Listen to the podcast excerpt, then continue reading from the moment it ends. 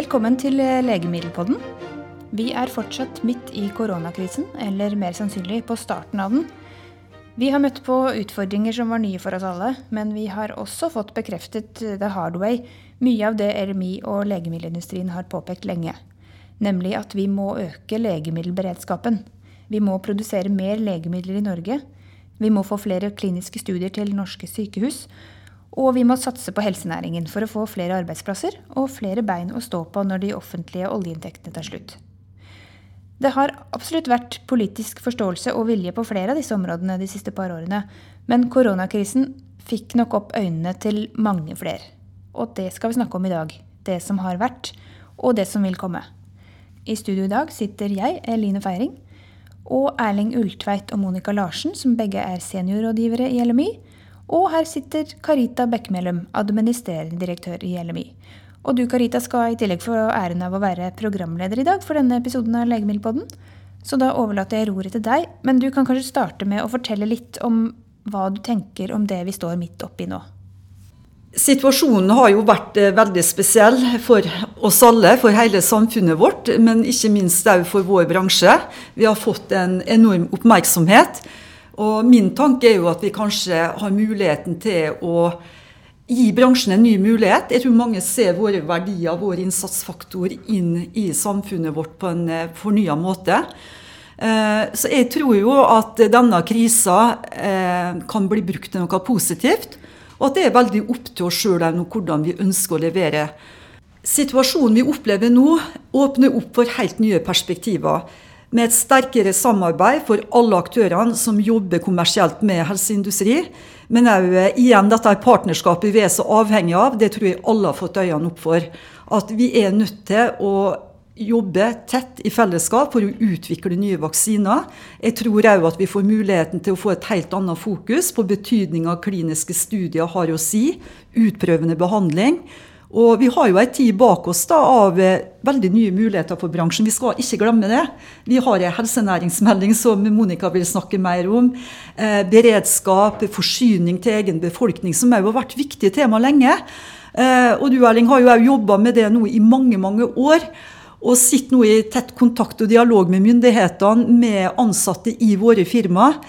Så jeg gleder meg veldig til å høre litt eh, at dere to utdyper på eh, fagfeltene.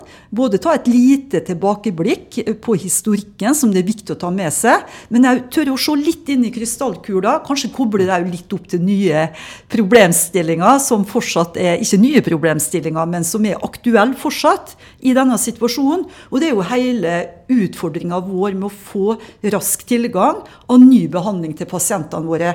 Det vi opplever nå, vil det kunne påvirke hele den store, tunge diskusjonen vår bransje står oppi, med å få rask tilgang. Erling, hvordan var vi egentlig forberedt når koronasituasjonen ramma Norge? Hvis du hadde sittet i den evalueringsgruppa nå, ja. hva hadde svaret ditt vært? Ja, at vi ikke var forberedt. Og det, og det, det, det tror jeg veldig mange kommer til. Og også det interessante er at ikke, man har ikke manglet eh, advarsler eh, om at man kunne rammes av en pandemi. Man vet jo at det historisk, så skjer det med jevne mellomrom. Vi har hatt eh, flere rapporter over, både fra Helsedirektoratet, fra DSB, altså Direktoratet for samfunnssikkerhet og beredskap. Og det interessante med det, med det som DSB kom med, det var jo at av alt eh, av all elendighet som kan ramme et samfunn, alt fra kriger og ulykker og atomkatastrofer, så det som troner øverst, med, både med større sannsynlighet og konsekvens, det er pandemi. Mm. Nummer to er legemiddelmangel. Og da er spørsmålet med det, det trusselbildet mot samfunnet, hvordan var vi egentlig forberedt? Når vi begynner å gå tilbake, så ser vi jo, og det gjelder legemidler, men det gjelder også smittevernutstyr. Allerede nå så ser vi at vi hadde smittevernutstyr for fire uker.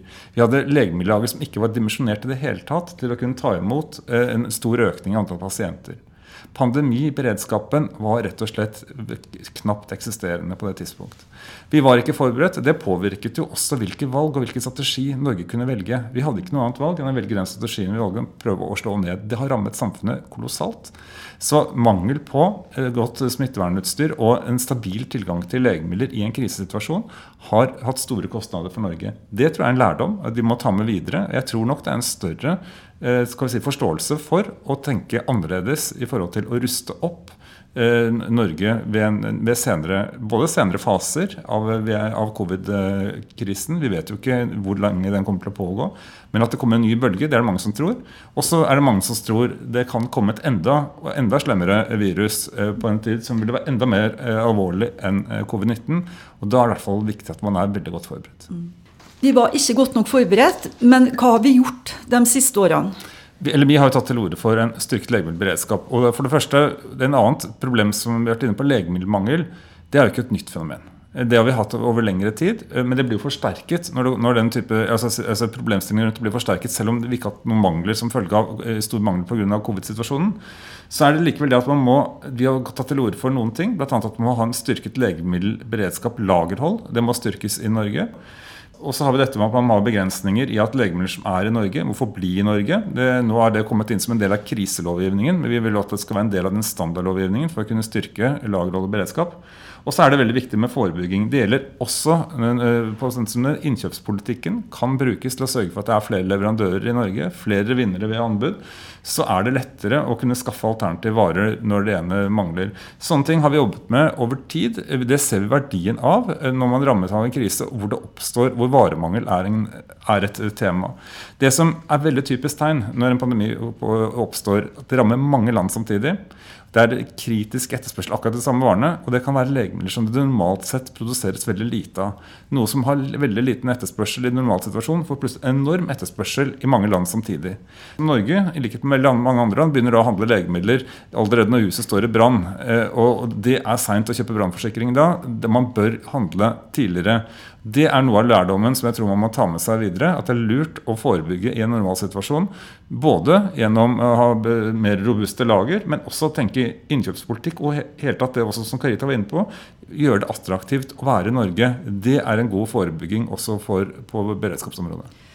Et annet tema er jo nasjonal produksjon, som òg går inn som en viktig del i det å kunne sørge for egen befolkning på lengre sikt når det gjelder medisinforsyning. Monica, du har jobba med dette her i mange mange år, og ikke minst nå gjennom den eh, nettopp vedtatte helsenæringsmeldinga. Hva tanker gjør du det? Jo, eh, Nasjonal produksjon ble jo et veldig sentralt begrep for eh, beredskapen. Altså Vi er 100 eh, avhengig av importerte legemidler i dag.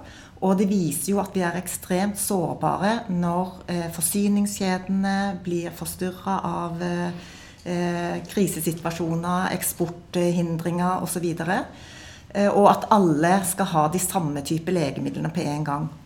Og det som er eh, viktig, er at eh, vi har produksjonskompetanse i Norge som vi også må bygge opp i fredstid. For det å plutselig få beskjed om at nå skal vi begynne å produsere ting fra den ene dagen til den andre, det går ikke. For det er så lange eh, tilpasningstider. Men skjønner myndighetene det, Monica? Nei, det har de jo ikke gjort. Fordi at man har jo sett det at når krisen først kom, så tok det en liten eh, stund før de klarte å identifisere om hvilke kritiske legemidler de faktisk ville ha. Og så tok det enda et stykke tid før den bestillingen gikk ut til produsentene. Og så var det liksom en forventning om at vi skulle produsere legemidler fra den ene dagen til den andre. Og det er sånn at vi tegner jo ikke legemidler. Det er en eh, ganske langsiktig prosess for å få de legemidlene fram. Skal vi få til en, en nasjonalproduksjon og utnytte den kompetansen man har, så må man ha forutsigbare planer. Det må være bestillinger i god tid, og det må være noen tydelige insentivmekanismer. Altså man må vite at man har et marked eller et volum som man kan selge til for at det skal være lønnsomt å sette og rigge produksjonen for det formålet. Og alt dette har egentlig mangla. Så vi har eh, påpekt dette gjennom eh, innspill til helsenæringsmeldinga, innspill til hvor, da, hvor, viktig det er med nasjonal legemiddelproduksjon, også for beredskap. Men eh, man har liksom ikke gjort så mye med det. Men har denne situasjonen nå endra oppfatninga til myndighetene. Og du sitter jo òg i et utvalg som Statens legemiddelverk har satt ned, for nettopp å kunne se på hvordan vi nå kan forbedre den nasjonale situasjonen vår. Ja, altså De hadde tatt tak i, som en del av beredskapsrapporten som kom i fjor, så lagde de også en egen rapport for legemiddelmangel som kom nå rett før koronakrisa kom, faktisk. Og der har man eh, forsert eh, operasjonalisering av de tiltakene og etablert en produksjonsgruppe ledet av Legemiddelverket og Helsedirektoratet, som nå skal ta tak i de tiltakene for nasjonal legemiddelproduksjon for beredskap. Og det tror jeg er et klokt grep, fordi eh, Hvilket tidsperspektiv snakker vi om? Nei, eh, nå er det å sette i gang eh, Skal leveres eh, konkret bestilling eh, i løpet av høsten, og at man kanskje kan komme inn på statsbudsjettet for neste år for å sette i gang konkrete ting. Da skal det liksom leveres eh, enda mer detaljering i, av den rapporten som foreligger. Men det er klart at her må det settes i gang konkrete tiltak hvor man faktisk eh, bygger kompetanse og bygger kapasitet. Og setter i gang tiltak sånn at vi er forberedt. For det vil ta kanskje to til tre år å sette opp en produksjonslinje f.eks. for, for smalspektra antibiotika, hvis man er interessert i å gjøre det. Så vil det ta litt tid å gjøre det. Hvis at vi skal gi en temperaturmåler på den politiske forståelsen av det vi snakker om nå, er den til stede? Er det noe håp om at de klarer å sy politikken mer sammen enn det vi kanskje fortsatt opplever? Jeg tror det. Nylig behandlet Stortinget Nasjonal helse- og sykehusplan. Det er, det er, det egentlig store dokumentet Stortinget behandler i år. I hovedsak hadde, jo, hadde Stortinget skrevet den innstillingen før uh, covid-krisen kom. Så eh, kommer denne krisen her. De skal avgi innstilling, og de skal debattere Stortinget. De, de, kaster seg rundt, og, det blir veldig stort fokus på eh, beredskap rundt legemidler. Og Nasjonal produksjon løftes eh, spesielt inn. at vi, de, de, erkjenner, og dette er en politisk erkjennelse av, alle opposisjonspartiene. Jeg tror nok også at regjeringspartiene eh, også hadde en viss erkjennelse for det, men av ulike grunner så kastet de ikke seg på, på, de forslagene som kom fra Stortinget. Men et stortingsflertall har nå bedt om at at vi skal se på nærmere på produksjon av antibiotika, og at, å ha en ordentlig utredning av produksjonskapasiteten. De er ikke fornøyd med den kapasiteten kapasiteten vi har i dag. og de, ser at det er et stort potensial. og det er, som Monica var inne på, Her peker man jo også egentlig tilbake til helsenæringsmeldingen og, den, og en styrking av legemiddelindustrien i Norge. Det, dette tror jeg ikke blir reversert. Dette er noe de kommer til å forsere på framover. Jeg tror partiene er såpass bevisst på det nå. Det er første gang, husk det, i fredstid at vi rammes av en sånn pandemi i Norge siden, siden andre verdenskrig. Dette er nytt for alle. Jeg tror partiene har skjønt det. Og jeg tror, jeg tror ikke det kommer til å bli mange partiprogrammer framover som ikke kommer til å ha noe om beredskap som påvirker oss. Ja, jeg er helt enig i det Erling sier. Det vil bli en endring i eh, politikkområdet for vårt eh, felt. Og eh, eh, den behandlingen av Nasjonal helse- og eh, sykehusplan demonstrerer jo i hvilken grad politikere nå har tatt opp i seg de signalene og føringene som er gitt i helsenæringsmeldingen. Og det den sier, er, er, egentlig at hvis vi skal ha en bærekraftig helsetjeneste, så er vi helt avhengig av en sterk leverandørindustri på helseområdet. Som leverer gode produkter og gode tjenester til befolkningen. Hvis ikke så vil vi ikke nå de helsepolitiske målene heller. Hvor jeg føler at det er en veldig god harmoni med sånn som vi ser verden. Eh, og, og, sånn som politikerne ser verden, og hvilke behov som skal dekkes. Så jeg tror aldri før vi har vært så på samme plattform, liksom, eh, som, som vi er nå. Og det er jo takka være den eh, modenheten som har kommet gjennom arbeidet med helsenæringsmeldingen, og så som denne krisa nå som virkelig har eh, eksemplifisert, det blir kjempeviktig eh, for helsetjenesten og for samfunnet at, eh, at vi er, har en sterk næring i Norge. Denne krisa har jo enorme økonomiske konsekvenser. Og Hvis at du ser litt på utviklingstrekkene i forhold til behovet for velferdstjenester, så er jo ett tall som bare handler om spesialisthelsetjenesten vår. Fram til 2060 så trenger vi hele 200 000 nye årsverk. Det er enorme tall. Eh, og oppi denne situasjonen her så ser vi jo at presset på sykehusbudsjettene er stor. Eh, våre bidrag inn til spesialisthelsetjenesten er jo under 5% av de totale budsjettene. Og hvordan har vi da muligheten egentlig til å ha en økonomisk handlefrihet oppi den nye krisa vi nå opplever? Jeg tror at det, det vil være en, eh, behov for en litt sånn politisk oppvåkning i forhold til, til akkurat det eh, aspektet. Fordi at helsetjenesten vår kommer til å trenge eh, mer enn noen gang teknologi og nye løsninger og nye legemidler. For det vil ikke være bærekraftig å kjøre på samme linje sånn som før, med å staffe opp med bemanning. Eh, som egentlig er en veldig dyr løsning på den krisa. Eh, behandling av Nasjonal helse- og omsorgsplan eh, stimulerer jo til dette, at man skal gå i en ny retning og ta i bruk mer teknologi, digitalisere, legge om tjenestene for å møte denne framtida. Og det vil være veien å gå. Men da er det jo veldig viktig at også budsjettene, innkjøpspolitikken, blir løfta opp til å ivareta det mer helhetlige innovasjonsendringen, og at man ikke driver med innkjøp i forhold til veldig små silobudsjetter, som legemiddelbudsjettet vil være. Mm. Da vil vi ikke komme i mål. Mm. Det Monica peker på, Erling, det er jo det at eh, vi er nødt til å få kanskje helt nye former for innkjøpsmetoder enn dem vi har brukt frem til nå. Vi har en prioriteringsmelding som styrer veldig tungt hvordan eh, prioriteringene av behandling skal være. Vi mener jo det at eh, prioriteringsmeldinga burde ha fått sin omkamp, at den allerede har gått ut på dato. Vi ser jo at statsministeren sier at vi bør stå i produktivt arbeid kanskje til vi er 70 år. Og så opplever vi jo som bransje da, det dilemmaet at eh, hvis at vi da står i jobb til vi er 70 år, får en alvorlig sykdom, ikke får tilgang til vår nye innovative hjertemedisin, som resten av Europa får, og de er til og med tilgjengelig på private sykehus i Norge, vil ikke dette her være en form for mismatch, egentlig, i forhold til hva enkeltmennesker forventer, og hva det offentlige helsesystemet vil kunne tilby? Det er en diskusjon som har vært her tidligere, og den blir nok ikke noe mindre nå. Eh, det er også et annet spørsmål er Hvilke muligheter har man egentlig til å ta ny behandling i bruk innenfor den offentlige helsetjenesten?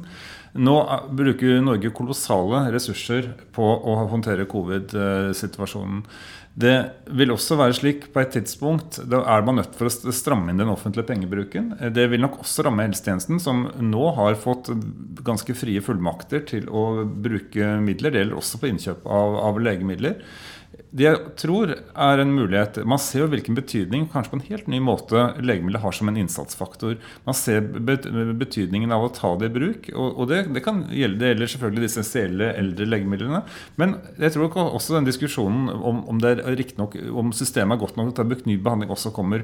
Men vi kommer nok ikke utenom det du var inne på i stad. Prisdiskusjonen den, den, blir nok enda viktigere etter hvert som det blir enda mer belastning på helsetjenesten og vi begynner å nærme oss en normalsituasjon på, på et eller annet tidspunkt. Innkjøpsprosesser som du var inne på, det, det, det, det, har ligget der lenge, også før denne situasjonen.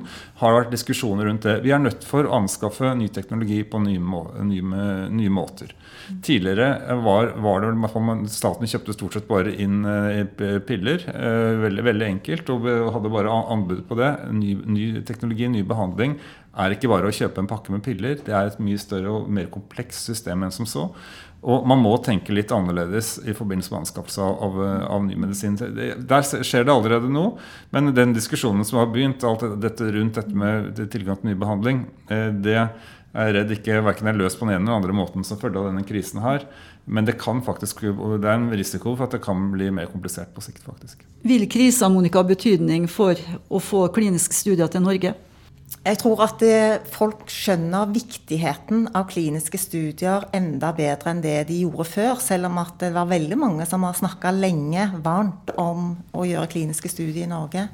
Men det at vi kan tiltrekke oss studier sånn direkte i uh, utvikling av vaksine mot covid-19 eller behandling av akutt syke med covid-19, det har vært viktig for folk. Og vi har jo sett en sterk mobilisering fra Forskningsrådet og mange sykehus i Norge for å faktisk være i posisjon til å trekke, tiltrekke disse studiene. Eh, når, eh, samtidig så er det ressurskrevende å, å drive kliniske studier, og jeg tror kanskje viktigheten av industrisponsa kliniske studier eh, vil være enda større nå etter nå i tida som kommer, fordi at budsjettene rett og slett er litt trange. Det vil kanskje ikke være en stor økning i de budsjettene som går til offentlig finansierte kliniske studier. Eller Betyr det at det offentlige klarer seg med sin egen innsatsfaktor av de studiene en sjøl setter i gang? Ja, de, de, men de skal jo også ha en, en, funding, og disse budsjettene tror jeg ikke kommer til å øke nettopp fordi at det er en sparekniv som må fram. Og, og Derfor så tror jeg den eh, synergieffekten av at man også gjør industrifinansierte kliniske studier liksom for, for helsetjeneste totalt sett, da, eh, blir, blir veldig viktig for framtida. Og så tror jeg òg det at selv om det nå er en fornya politisk vilje til å eh, satse på helsenæring og, og, leverandørindustri og sånn, så tror jeg at eh, de ikke helt kjenner verdikjedene våre godt nok til at de klarer å komme opp med veldig treffsikre tiltak. Så akkurat nå så blir det kjempeviktig at eh, vår industri som faktisk har ressurser, har kapasitet, har legemidlene, har teknologien som trengs. At vi er skikkelig flinke til å, å, å fortelle hvilke tiltak vi konkret må, må, sette i verk.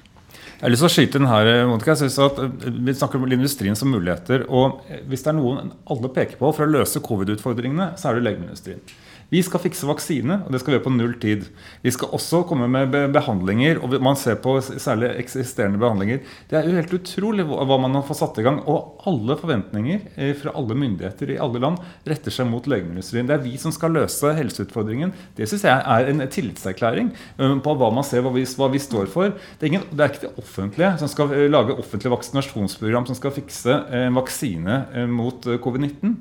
Det er heller ikke det offentlige som setter i gang studie, det er delvis offentlig finansierte studieprogram på etablert behandling, men det er jo legemiddelindustrien som er involvert i dette. Det er vi som har, allerede har de kandidatene som er på markedet. Det syns jeg er, er, er, ganske på mange måter litt oppløftende, for vi har jo systemer i legemiddelindustrien til å kunne håndtere dette her. Og, og jeg synes Det viser igjen kanskje den verdien legemiddelindustrien står for, på en annen måte. Er det en stor helseutfordring, ja da kommer de til oss, og da skal vi sannelig levere, håper jeg. Ja, koronakrisa har vist at vi ikke har vært godt nok forberedt. og jeg håper virkelig at legemiddelselskapene og myndighetene nå kan samarbeide på en god måte for å finne løsninger. På den måten Monica, så kan du få de nye arbeidsplassene dine, og verdiskapinga vil komme til å skje. Og ikke minst, og det aller viktigste, er at vi skal gi pasientene våre tilgang på medisinske fremskritt. Og vi skal, Erling, trygge beredskapen i Norge i framtida. Så tusen takk til dere begge to.